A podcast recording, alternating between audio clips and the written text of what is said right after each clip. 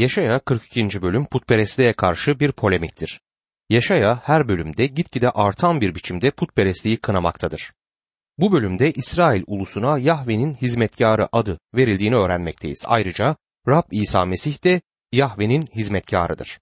Markos'un müjdesinde kendisine İsa Mesih'in bu ad verilmiştir. Markos bunu çok açık bir şekilde Markos 10. bölüm 45. ayette şöyle dile getirir.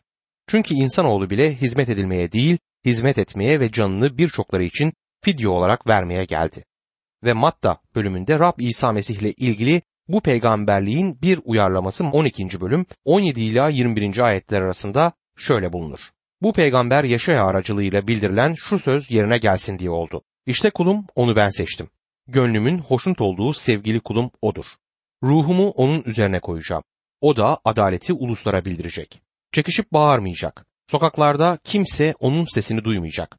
Ezilmiş kamışı kırmayacak. Tüten fitili söndürmeyecek ve sonunda adaleti zafere ulaştıracak. Uluslar da onun adına umut bağlayacak. Şimdi Yahve'nin hizmetkarı olarak karşımıza çıkan İsa Mesih'e bakalım. Yaşaya 42. bölüm 1. ayette şöyle yazar. İşte kendisine destek olduğum, gönlümün hoşnut olduğu, seçtiğim kulum. Ruhumu onun üzerine koydum. Adaleti uluslara ulaştıracak.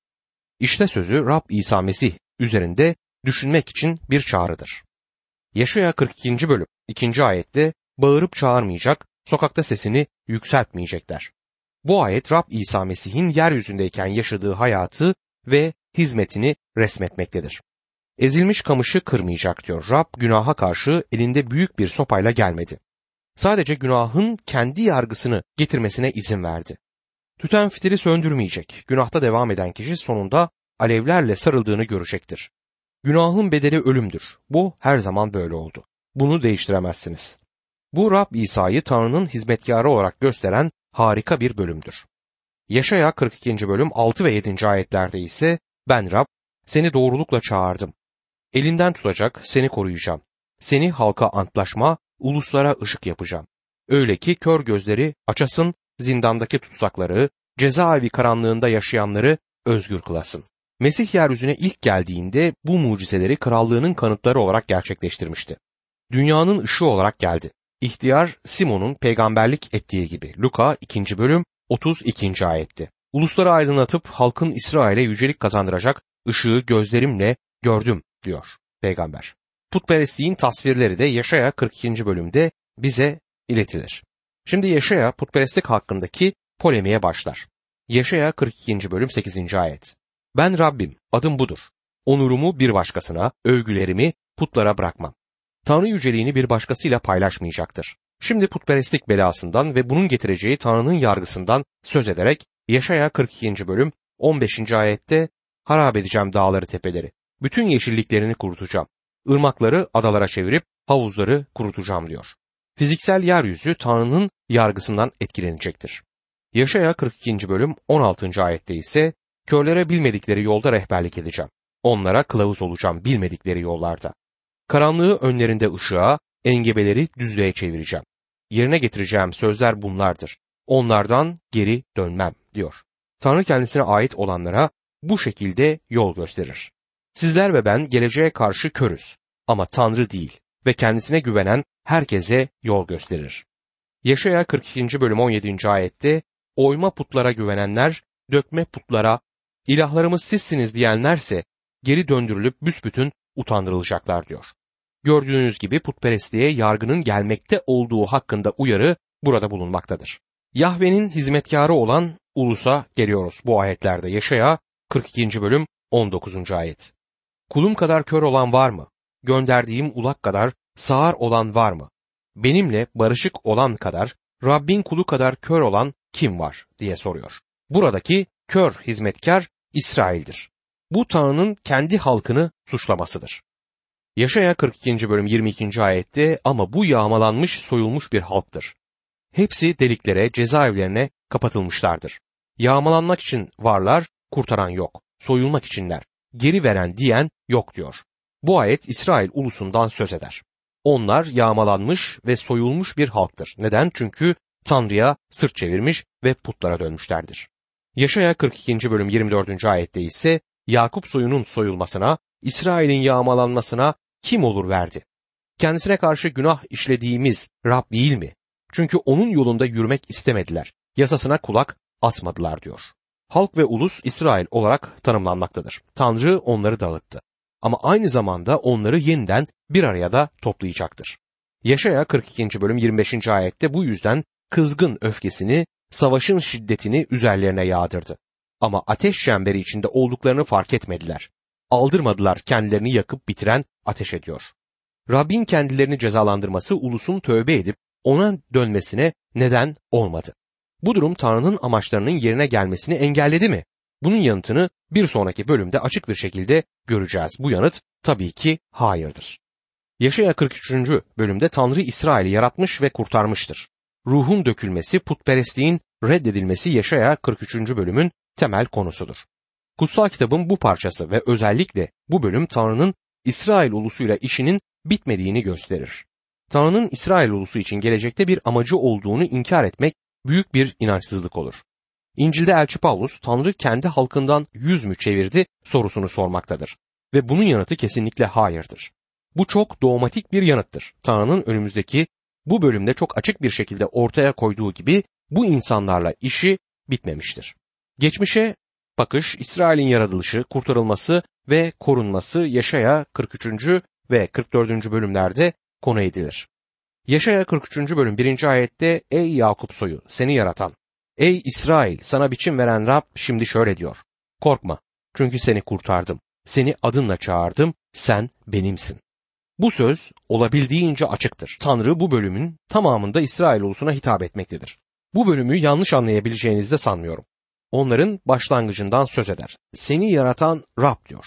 Tanrı ihtiyar Yakup gibi acınacak bir insanı aldı. Yakup'un adı bile sahtekar anlamına gelir. Başka birisinin ayağını kaydırıp yerine geçen kişiydi ve Tanrı işte bu adamdan bir ulus yarattı. Tanrı yerin tozunu alıp içine yaşam ruhunu üfledi ve o bir insan oldu.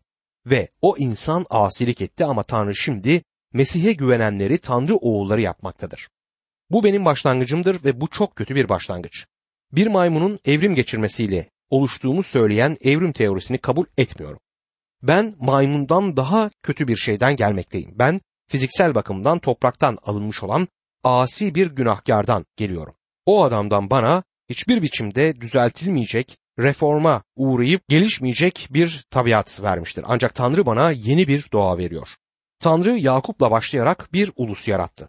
Sonra onları kanla ve güçle Mısır'dan kurtardı ve onlar Tanrı'nın önünde bir prens olan İsrail oldular. Yaratılıştan ve kurtuluştan ötürü Tanrı'ya aittirler.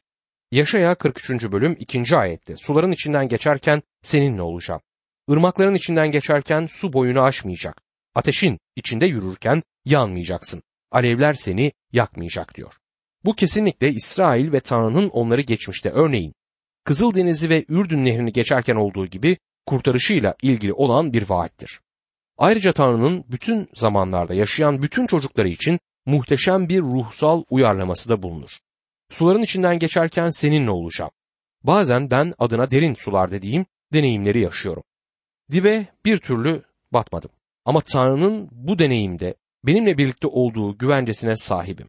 Boğulacağımı sanıyorum ama boğulmayacaksın diye bir vaat vardır ve Tanrı duruma el atıp beni kurtarır. Yaşaya 43. bölüm 3. ayetti. Çünkü senin Tanrın İsrail'in kutsalı seni kurtaran Rab benim. Fidyen olarak Mısır'ı sana karşılık Küş ve Seva diyarlarını verdim diyor. Tanrı kurtuluşta yüksek standartlarını aşağıya çekmez. Mısır ve Kuş'u nasıl olur da İsrail için fidye olarak verebilir? Yanıt basittir. Tanrı bu ulusları seni disiplin etmekte kullandım. Onların sana o şekilde davranmalarına izin verdim ve şimdi onları yargılayacağım der. Süleyman'ın özdeyişleri 21. bölüm 18. ayette kötü kişi doğru kişinin fidyesidir, hain de dürüstün diyor. Tanrı düşmanın yolunuza çıkıp sizin için çıkardığı bütün o sorunları çıkartmasına neden izin verir? Hiç düşünüyor musunuz?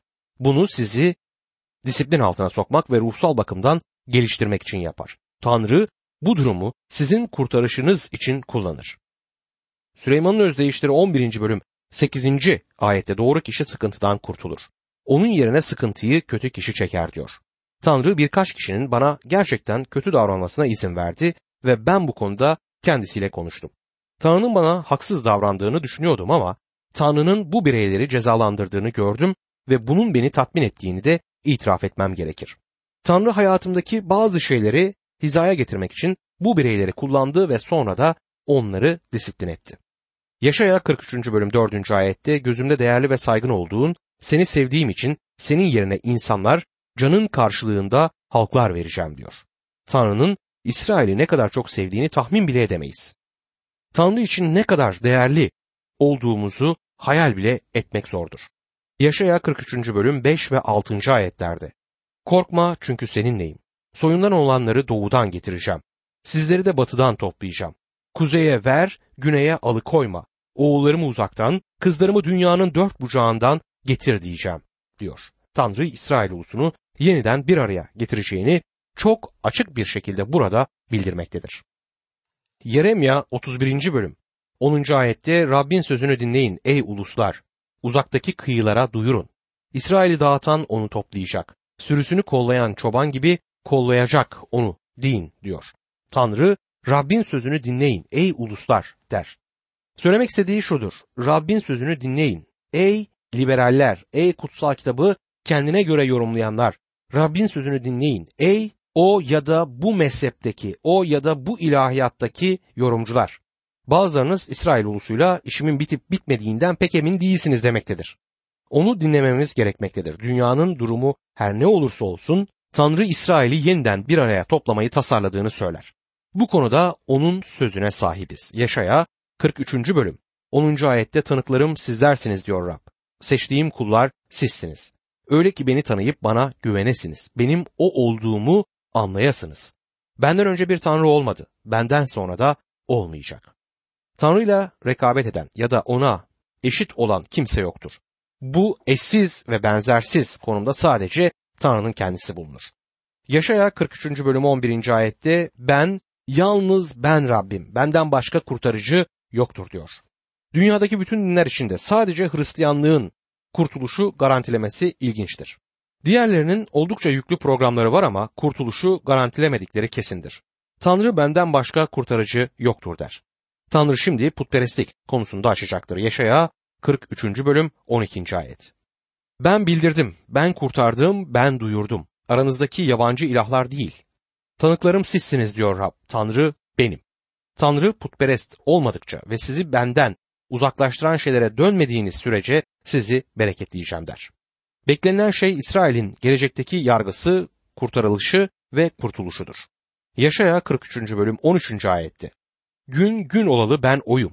Elimden kimse kurtaramaz. Ben yaparım kim engel olabilir diyor Tanrı. Hiçbir yaratık Tanrı'nın elinden kurtulamaz ya da onun erişemeyeceği bir yere saklanamaz. Yaşaya 43. bölüm 14. ayette kurtarıcınız Rab İsrail'in kutsalı diyor ki uğrunuza Babil üzerine bir ordu göndereceğim. Övündükleri gemilerle kaçan bütün kildanelere boyun eğdireceğim. Babil'in son yıkımı önceden bildirilmiştir. Yaşaya 43. bölüm 15. ayette kutsalınız İsrail'in yaratıcısı, kralınız Rab benim der. Kralın uyruğunun İsrail ulusu olduğu bellidir. Onları var etmenin sorumluluğunu Tanrı üstlenir. Bütün Yahudi aleyhtarları bunu bir kenara kaydetsin. Onların kralı Tanrı'dır. Bu Mesih'in tanrılığının bir başka onayıdır. Çünkü onların kralı odur. Rab İsa yeryüzüne gelip kral olduğunu söylediğinde İsrail onun İmmanuel yani Tanrı bizimle olduğunu iddia ettiğini biliyordu. Eğitilmiş İsrailler bunu anladılar. Tanrı'nın İsrail'i yaratmış olduğundan ötürü onlara sahip çıktığını görmekteyiz. Şimdi ise kırdaki hayvanların bile kendisini onurlandırdığı gerçeğinden Tanrı sözü söz edecektir. Yaşaya 43. bölüm 20. ayet. Kır hayvanları, çakallarla baykuşlar beni yüceltecek. Çünkü seçtiğim halkın içmesi için çölde su, kurak yerlerde ırmaklar sağladım.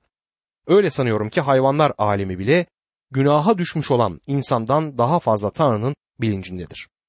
Yaşaya 43. bölüm 25. ayet kendi uğruna suçlarınızı silen benim. Evet benim günahlarınızı anmaz oldum diyor. Tanrı onları da bizi de kurtardığı prensiple kurtaracağını söyler.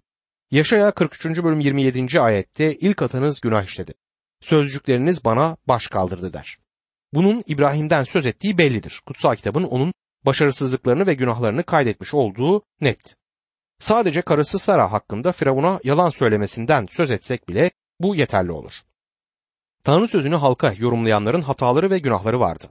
Şimşon, Samuel ve Davut'u hatırlayalım. Yaşaya 43. bölüm 28. ayette bu yüzden tapınak görevlilerini bayağılaştırdım. Yakup soyunu bütünüyle yıkıma, İsrail'i rezilliğe mahkum ettim der. Bu İsrail'in şimdiki durumudur. Günümüzde hiç huzurları ve barışları yok. Neden? Çünkü diri ve gerçek Tanrı'dan ayrıldılar da ondan. Ancak bu onların nihai durumu değildir. 44. bölüm, 43. bölümün konusunu devam ettirir. Ancak son bölüm gelmekte olan yargıdan söz ederek biter. Bu bölüm gelmekte olan krallığın ışığına ve kutsal ruhun vaadine geçmektedir. Bu bölümde çok yıkıcı olan putperestlik hakkında zeki ve acı bir alaycılık kullanılmıştır. Bu parçanın tekrar eden konusu budur. İnsan kalbi Tanrı'dan bir puta dönmeye yatkın. Günümüzde bizler oyulmuş putlara tapmıyoruz ancak bir insanın kendisini gerçek Tanrı'dan başka verdiği her şey bir puttur. Bu put onun kariyeri olabilir, para kazanma hırsı olabilir, ün, zevk, seks, alkol, kendisine hayranlık ya da işi olabilir. Bizim putlarımız bunlar. Peygamberlerin putperestliğe karşı tartışmasının en yüksek noktası 46. bölümde olacaktır. Orada bu konuyu daha ileri bir biçimde ele alma ve Tanrı ile put arasındaki gerçek farkı inceleme fırsatına sahip olacağız. Şimdi ruhun vaadine geliyoruz. Yaşaya 44. bölüm 3. ayet. Susamış toprağa sulayacak, kurumuş toprakta dereler akıtacağım. Çocuklarının üzerine ruhumu dökecek, soyunu kutsayacağım. Bunun Yoel 2. bölüm 28 ila 32. ayetlerde sözü edilen ruhun dökülmesiyle ilgili olduğuna inanıyorum. Yoel'in peygamberliğini çok dikkatli okursanız orada yazılanların Pentekost gününde gerçekleşmediğini göreceksiniz. Elçi Petrus Yoel'den aktarma yaparken iki şey yapar. Bunlardan ilki bu budur der. Bunun bir gerçekleşme olduğunu söylememişti. Yarışımdaki kalabalık öğrencilerle alay ediyordu. Çünkü Tanrı'nın harika işlerini değişik dillerde anlatmaktaydılar. Onları kutsal ruh yerine yeni şarapla dolu olmakla suçluyorlardı. Bunun üzerine Elçi Petrus bu sizi şaşırtmamalı çünkü bu son günlerde gerçekleşecek olan şeye benziyor der. Bunların Pentekost gününde gerçekleşmediğini nereden biliyoruz? Bunun birkaç tane nedeni var. İlk neden Yoel 2. bölüm 30 ve 31. ayetlerdedir. Göklerde ve yeryüzünde kan, ateş ve duman sütunlarından belirtiler göstereceğim. Rabbim büyük ve korkunç günü gelmeden önce güneş kararacak, ay kan rengine dönecekler. Pentekost gününde bu olaylar gerçekleşmedi. İkincisi ise elçilerin işlerindeki kayıttır. Ruhum bütün insanların üzerine dökülmediğini söyler. Ama Yoel 2. bölüm 28. ayette ondan sonra bütün insanların üzerine ruhumu dökeceğim der. Elçilerin işlerinde önce 120 öğrenci sonra 3000 inanlı vardı. Hiçbir zaman bütün insanların üzerine ruh dökülmedi. Ve 2000 yıl sonra da hala bütün insanlar için değildir. O sırada büyük bir olasılıkla Yarışilim'de yarım milyonla bir milyon arası insan bulunmaktaydı ancak hayal gücünüzü ne kadar kullanırsanız kullanın Yoel'in peygamberliğinin o sırada gerçekleştiğini söyleyemezsiniz. Ancak Yoel'in peygamberliği gelecekte gerçekleşecektir. Tanrı için en büyük günlerin gelecekte olduğunu söyleyip durmamın nedeni bu. Putperestliğe karşı tartışmanın en alevlendiği bölümlerdir bu bölümler. 9 ila 20. ayetlerde putperestliğe karşı zeki bir polemik görüyoruz. Peygamberlerin konuyu ele alış biçimi yıkıcıdır. Tasvirler yapanlar tanrıların anlamsız karakterlerinin tanıklarıdırlar. Bir tasvirde bir insanın beş duyusu bile yok. Bir put duyamaz, göremez, konuşamaz, koklayamaz ve hissedemez. Elçi Paulus onların birer hiç olduğunu söyler ve gerçekten de öyleler. Kimseye bir yardımları yoktur. Yaşaya 44. bölüm 10. ayette kim yararsız ilaha biçim vermek, dökme, put yapmak ister diye sorar. Peygamber neden bütün zamanınızı bir put yaparak harcıyorsunuz? Utanmalısınız. Her şeyi bir hiç uğruna yapıyorsunuz der. Siz bir tanrı yapamazsınız. Tanrı sizi yapmıştır demektedir. Şimdi sözlerine put yapmayı tamamlayarak devam eder. Yaşaya 44. bölüm 12. ayet. Demirci aletini alır, kömür ateşinde çalışır. Çekişle demire biçim verir. Güçlü koluyla onu işler. Acıkır, güçsüz kalır, su içmeyince tükenir diyor. Metalle çalışan insanlar herhangi bir metalden bir tanrı yapmak için oldukça fazla uğraşıyorlardı ancak bu iş onları yorar ve sadece bir insan olduğunu da ortaya koyar. Bir tanrı yapmak için bütün işini, yeteneğini ve zamanını verdikten sonra eline ne geçerdi? Hiçbir şey. Eline güzel, küçük bir hiçbir şey geçmekteydi. İnsanlar tarafından yapılan ilk tanrı önce ormanda yapıldı. Ancak işin başında ağacı yapan tanrıydı. Sadece tanrı bir ağaç yapabilir. Yaşaya 44. bölüm 15. ayette sonra ağaç odun olarak kullanılır.